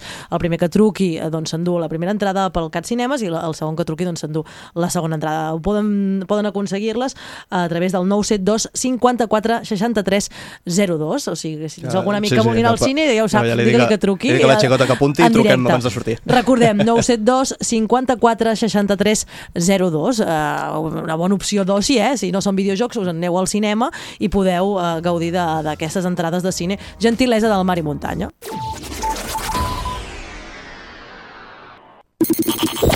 Mar i muntanya. El programa més refrescant d'aquest estiu. Mar i muntanya en directe, 12 a 1 del matí. Un programa de Ràdio Escala, La Veu de Sant Joan, Ràdio Salrà i Ràdio Vilafant.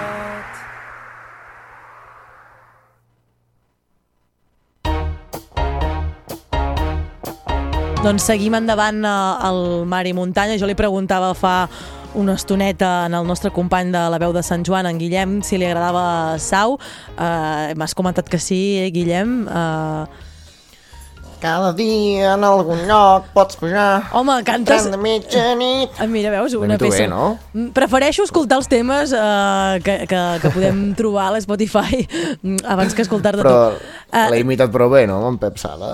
No ho sé, ara li preguntarem amb ell, perquè el tenim uh, uh, en directe Mercè. pel, pel fet de la Perdona. Digues, Juanjo. Aquest era en Pep Sala o era en Guillem el que cantava? Era en Guillem. Ara li preguntarem a en Pep Sala a veure si, si has fet bona imitació o no, perquè el tenim a l'altre cantó del, del fil telefònic. Eh, Si us sembla, el saludem. Uh, Pep Sala, uh, benvingut al Mar i Muntanya, bon, bon dia. Hola, què tal, com esteu? Bones. Uh, què t'ha semblat aquesta imitació del nostre company de la veu de Sant M'ha Joan? recordat més el Pep Plaza quan m'imita el Pep Plaza. no, molt bé, molt bé, molt bé. A mi m'agrada molt que m'imitin. Pep, escolta, bo- bon dia, què tal? Un plaer saludar-te, eh? escolta. Igualment. Escolta, això, això, això que fem, no? T'imiten t'imiten molt, eh? Ets pluriimitat, no?, que direm? Sí, sí, el Pep Plaza, el Jordi Lapé, bueno, hi ha molts. Sí, perquè, a més, normalment no, els que m'imiten són molt amics meus i ho fan amb, eh, amb molt de carinyo i també perquè, va, per exemple, jo tinc una veu nasal, jo sé que tinc una veu nasal perquè ve de Mhm. sèrie, eh, ve de fàbrica. I, i és, és una veu característica i és, és, és divertit, és divertit. Jo, jo ric molt, m'agrada molt. Home, això és bon símptoma, no? Uh, com més imitat és, vol dir que, que et reconeixen la teva feina, no? Ho veus així, Pep? Bueno, suposo, no ho sé, suposo que sí. Uh, uh, uh, sí, suposo que sí, o, o, que, o que tens...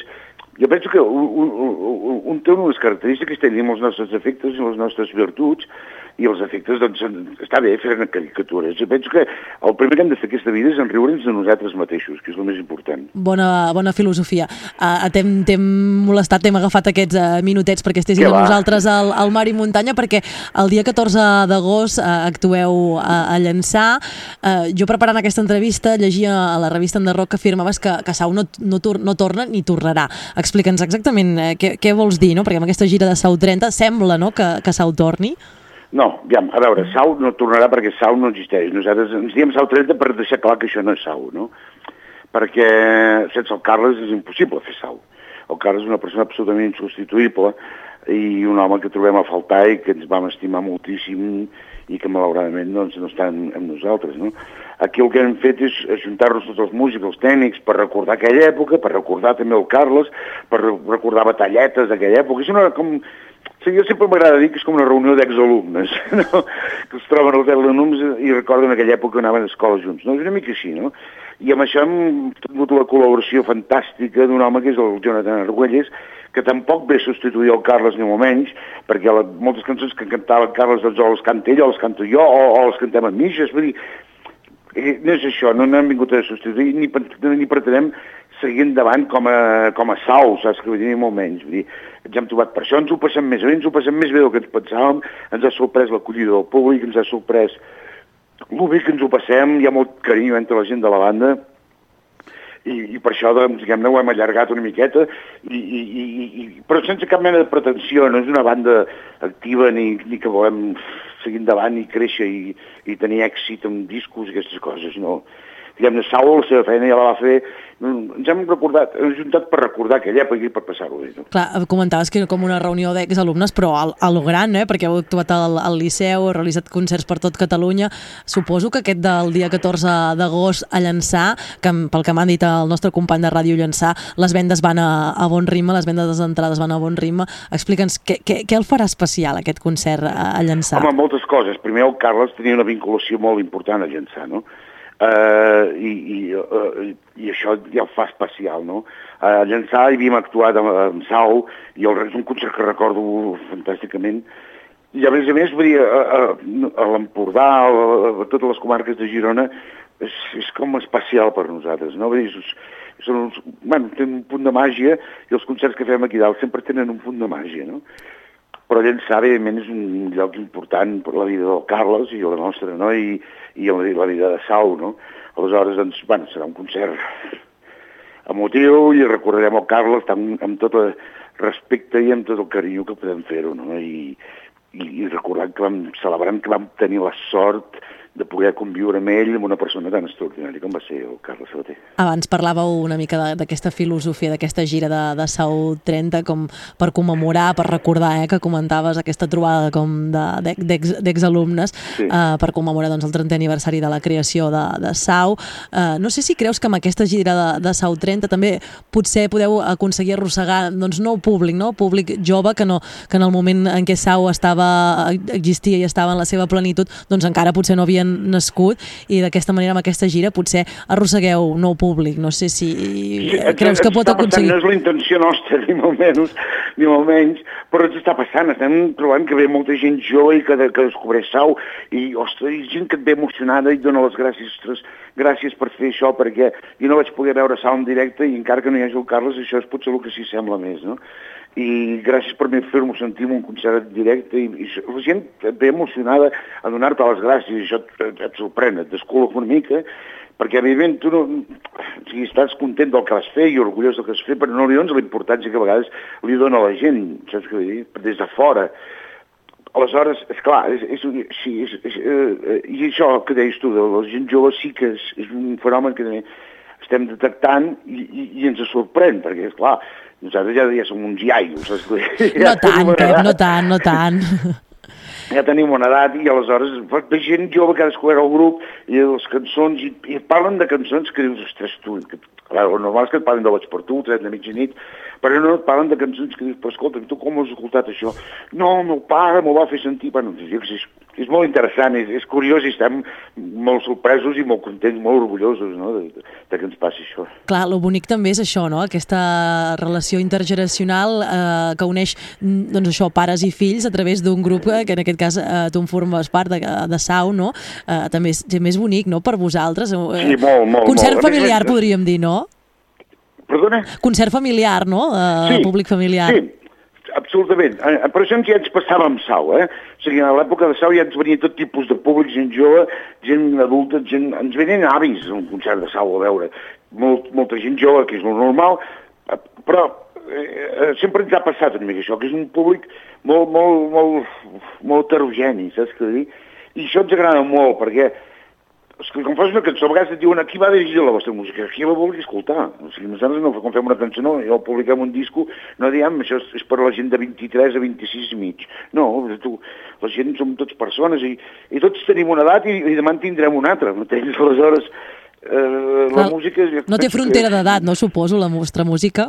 Exacte, no és qüestió d'edat. Vull dir, escolta'm, jo fa poc vaig tenir la sort de veure el McCartney i aquell senyor, doncs, en directe, i aquell senyor té 76 o 77 anys, no sé quants en té, i és fantàstic en directe i té una energia que molta gent jove ja li ha de tenir.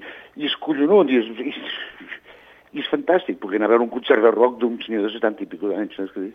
Uh, Explica'ns una mica qui, quins temes o, o, o com, què viuran els llançanencs i gironins, o suposo que catalans, eh? Hi vindran gent de, tota, de tot Catalunya en aquest concert del dia 14 d'agost a, a llançar a la, a la platja de la Gola. Què, què podran gaudir o què, què sentiran? Com serà aquest uh, concert? Fem, fem un concert que és, ens hem inventat una mena de màquina del temps, perquè ens transporta i, i reproduïm una miqueta dos concerts de l'època de Sau.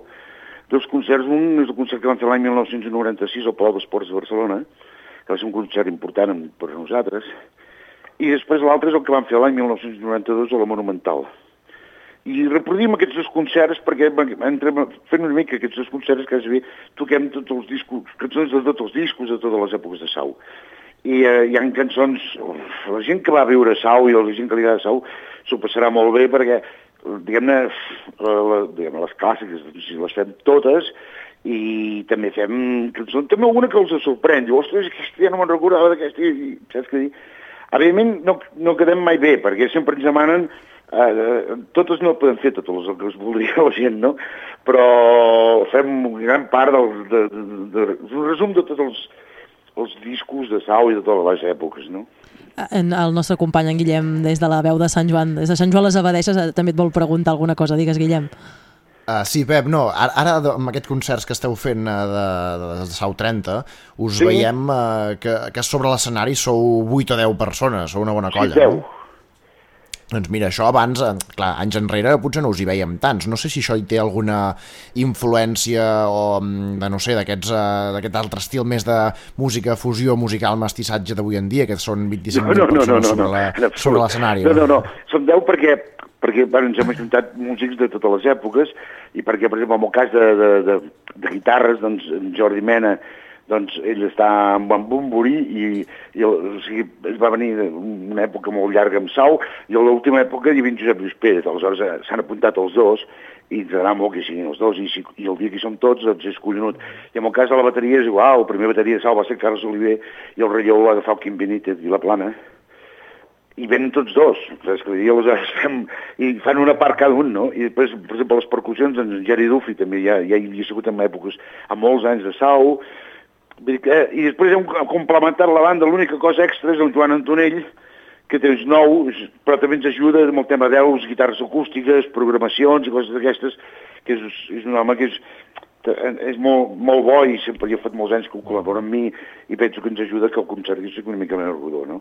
Aleshores som 10 a l'escenari, però no, és un tema que van, el que érem, Sau ja solíem ser molts, eh? Ja solíem ser 7 o 8, ca- quasi bé, sempre.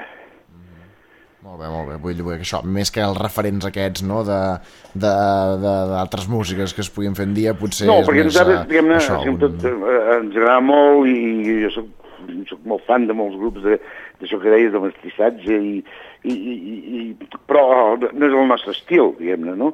I el No, que fem és reproduir tan fidelment com podem el que fèiem aquell fa- fa 30 anys, fa 25 o 30 anys, no? Molt bé, molt bé.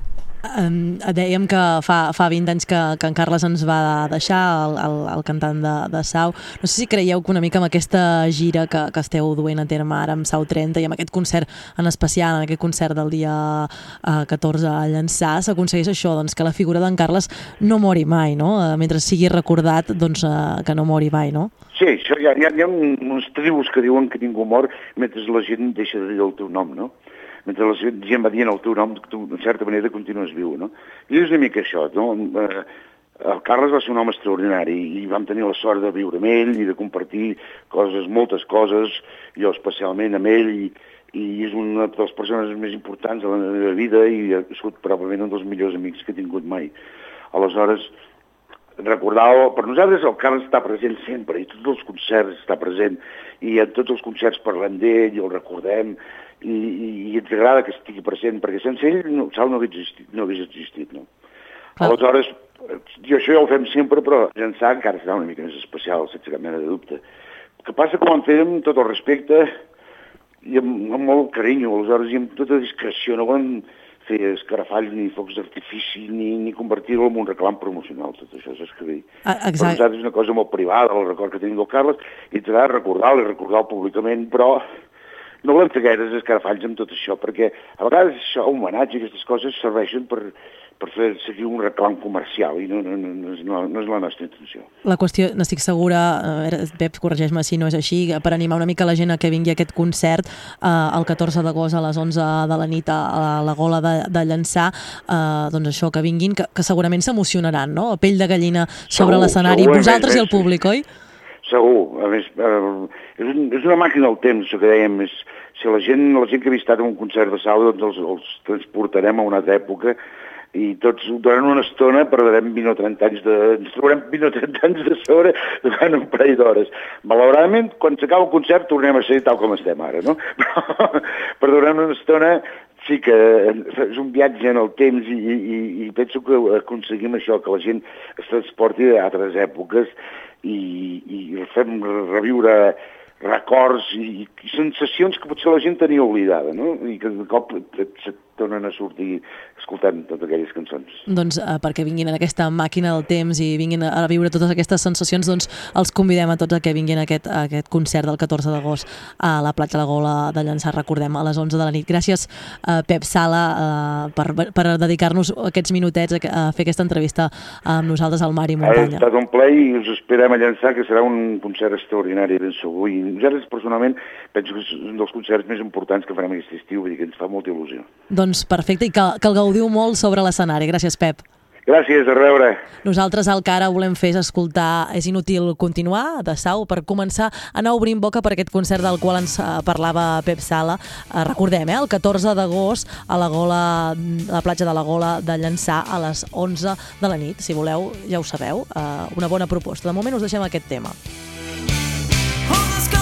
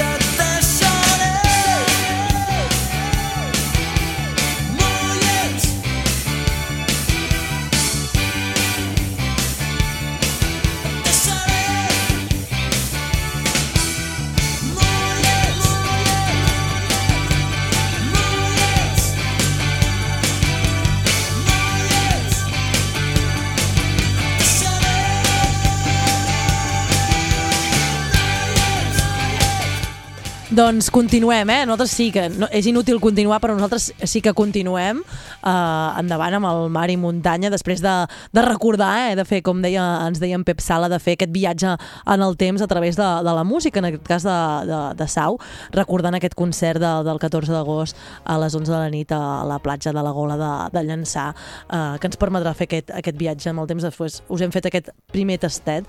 Eh, bé, avui ho hem, hem fet de tot, eh? Hem parlat de videojocs, hem parlat de, de música i tenim encara en joc dues entrades eh, per anar al cinema. Hem, hem fet el repàs a les estrenes de, de cinema. Si ens estàs escoltant des de Sant Joan les Abadeses, des de Salrà, des de Torroella de Montgrí, des de Llançà, des de l'Escala, des de Vilafant, des de Figueres, des de Castelló d'Empúries o des de Roses, eh, doncs truca'ns, truca'ns al, al telèfon 972 54 63 02 972 54 63 02 et pots emportar doncs, eh, una de les dues entrades que està en joc. El primer més ràpid que truqui doncs, eh, es pot endur una de les entrades i el segon més ràpid doncs, l'altra. Podeu anar a veure doncs, qualsevol de les pel·lícules eh, que hem comentat d'estrena, eh? eh, Mascotes 2, aquesta pel·lícula que dèiem de, més divertida eh, que us explicàvem d'aquest senyor gran que se'n va i vist amb la seva família per acontentar els seus fills, eh, o aquesta la nova de, de Guillermo del Toro, aquesta pel·lícula de terror. Si és de Guillermo del Toro, potser, potser no serà tan terrorífica i potser fins i tot a persones com jo que no els agrada el terror doncs s'hi poden afegir, eh? ja ho sabeu, si truqueu podeu anar a veure, si no, algunes de les que ens han criticat els nostres crítics particulars, eh? el nostre company en Jacint Casademont o bé eh, eh, l'Último Crítico. Eh? Eh, si voleu anar a veure la Todo Gas, per exemple, doncs també és una altra opció, doncs eh, només heu, heu de fer, mira, sembla que ja estem tinguent el, un dels primers guanyadors, si voleu ser el segon guanyador d'aquesta entrada que ens queda encara per sortejar, 972 54 63 02. Recordem, 972 54 63 02. Uh, a veure, preguntarem al company, en Víctor, tenim, tenim guanyador? Tenim guanyador. Uh, gràcies per escoltar-nos, eh? uh, Albert. Uh, enhorabona. Moltes gràcies. Uh, saps quina pel·lícula aniràs a veure? Jo ara que he fet una mica de repàs uh, ràpid, uh, tens idea de quina aniràs a veure? No, la veritat és que no, però bueno, la que em convenci més. Perfecte, doncs, doncs mira, el que pots fer és escoltar-te al, al Mar i Muntanya. Uh, mira, em comenten, en Juanjo López, digues, Juanjo. Jo, si fos tu, aniria a veure... Hola, Albert, eh? un plaer. Hola, hola. Jo, jo aniria a veure el Rei León, si fos tu. Mira, ja tens una recomanació, anar a veure uh, el Rei León. Uh, tens moltes per triar, o sigui que enhorabona, gràcies per trucar. Des d'on ens truques? Des de Figueres. Doncs uh, no sé si ens escoltes uh, habitualment, si t'agrada el programa. Sí, sí, sí, i tant. Doncs moltes gràcies per la, per la teva fidelitat i que gaudeixis molt d'aquesta entrada de, de cinema per anar als, als, als Cat Cinema. No pengis uh, perquè el nostre company en Víctor Grau t'explicarà el funcionament uh, perquè puguis gaudir d'aquesta entrada de cinema, d'acord? Vale, moltes gràcies. Doncs ja ho sabeu, eh? Si voleu ser un afortunat com l'Albert, que ens ha trucat, que ha sigut el més ràpid en trucar, doncs eh, podeu eh, guanyar una d'aquestes entrades. Si us fa enveja l'Albert, eh, només heu de despenjar el telèfon 972 54 63 02 i podreu anar a veure doncs, el Rei León, com ens proposava el nostre company de Ràdio L'Escala, eh, o podeu anar a veure doncs, qualsevol de les altres pel·lícules que estan en cartellera. Si us agrada l'animació, doncs Mascotes 2, si us agrada l'acció, eh, com el nostre crític eh, Jacint Casademont, que l'ha gaudit de moltíssim, doncs aquesta de Fast and the Furious, aquest spin-off de la factoria dels cotxes ràpids. Tenim un altre guanyador. Uh, bones, com et dius? Anna, perdona. Hola, Anna. Anna, enhorabona. Moltíssimes gràcies per trucar. Gràcies. Doncs uh, saps què iràs a veure? Tu has pensat o, o encara, no, encara ho tens no. definit? No, encara no. Va, Jo, jo, jo no sé, què recomanar-te, en Juanjo és molt pro del Rei León, eh, no sé si, si, si t'agrada o, o, o prefereixes més acció o ser, terror. Podria ser, no ho sé, és que no ho sé, m'ho tinc que replantejar encara. Perfecte, doncs uh, que, que la gaudeixis molt. Des d'on ens truques? De De, Figue- de Figueres, perdona. Doncs uh, moltes gràcies per escoltar-nos, gràcies per ser fidel al, al Mar i Muntanya. No pengis el telèfon, que el nostre company en Víctor t'explicarà el funcionament perquè puguis gaudir d'aquesta entrada de, de, de cinema eh, del Cat Cinemes, d'acord? Vale, molt bé, merci. Moltes gràcies. Nosaltres seguim endavant en recta final de programa. Eh, no sé, acomiadem els nostres companys i posem una peça musical per acabar el programa contents amb música, si us sembla. Doncs eh, Guillem Planagumà de la veu de, de Sant Joan, gràcies per estar amb nosaltres. Ens escoltem demà? Un plaer, fins demà, com sempre. És divendres. Guillem? Demà, demà, demà toca sortida. Ens veiem Demà demà. ens veiem i ens escoltem en la, en la sortida. Demà que va a la platja. Doncs exacte, ens veiem a la platja, ens veiem a, a Roses. A veure si en Juanjo López des de Ràdio L'Escala canviaràs la platja de l'Escala per la platja de Roses demà? La canviaré, però durant una estona. Jo la platja de l'escala no la canvio per cap altra. Ets fidel a la, a la Soc platja fiel, de, fiel, de l'Escala. Així m'agrada, així m'agrada. Gràcies també als nostres companys que cada dia m'acompanyen en aquesta aventura físicament aquí al meu costat donant-me suport. Al meu company, en Josep López, gràcies per estar aquí amb nosaltres. De res i fins demà. Demà, demà, eh? no ens posem falta. ens anem cap a la platja tots. Vinga. Perfecte, gràcies Víctor Grau per controlar-ho tot i fer que tot soni d'allò més bé. Gràcies A per tu, estar amb Mercè, nosaltres. gràcies. Ens veiem de, demà, doncs us deixem amb una proposta musical i nosaltres tornarem demà puntuals des de les 11. Si ens voleu veure les cares, estarem a Roses, a davant de la- l'Ajuntament. Així doncs, que, que ja ho podeu allà, a davant de, dels xots de, de Roses. Que passeu molt bon dia, ens veiem demà. Adéu-siau. t'espantis, tinc canvis d'humor. Crec ser víctima d'intoxicació en sort. Casa meva és casa vostra, però hi ha coses que no ens importa fer. Tants patrons que ens hem d'empassar, tants jocs tan sols que ens hem de trobar.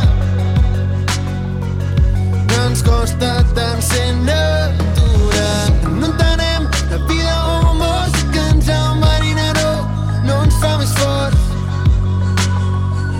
Que ens costa tant ser natural. Quieres que me duerma contigo. Quieres que sintamos lo mismo otra vez. El vértigo al borde de tu ombligo. Ser intuitivo como un día fue. Quieres que me tumbe contigo. Quieres que sintamos lo mismo que ayer. Marcharnos sin dejar ni testigos. Morirnos instintivos como un día fue. Que casa mía es casa vuestra. Pero hay cosas que no te importa hacer. Que casa meva és casa vostra.